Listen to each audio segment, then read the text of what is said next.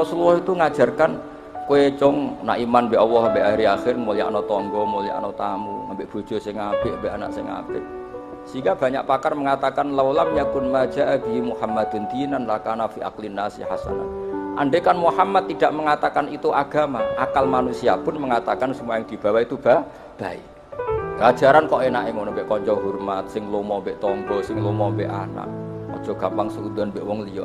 Itu andai kan di atas namakan agama, akal pun mana? Begitu juga ajaran tentang Allah itu kodim.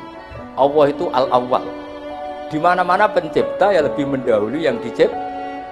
Coba misalnya agama ini cerita, sing dadi pangeran si A, lahirnya ana taune 2000 pira. Nah, terus bingung. Wong pangeran udah tanggal apa? Lahir. Mulane kula saged turu. Mulane kula korban ayam terus sering turu.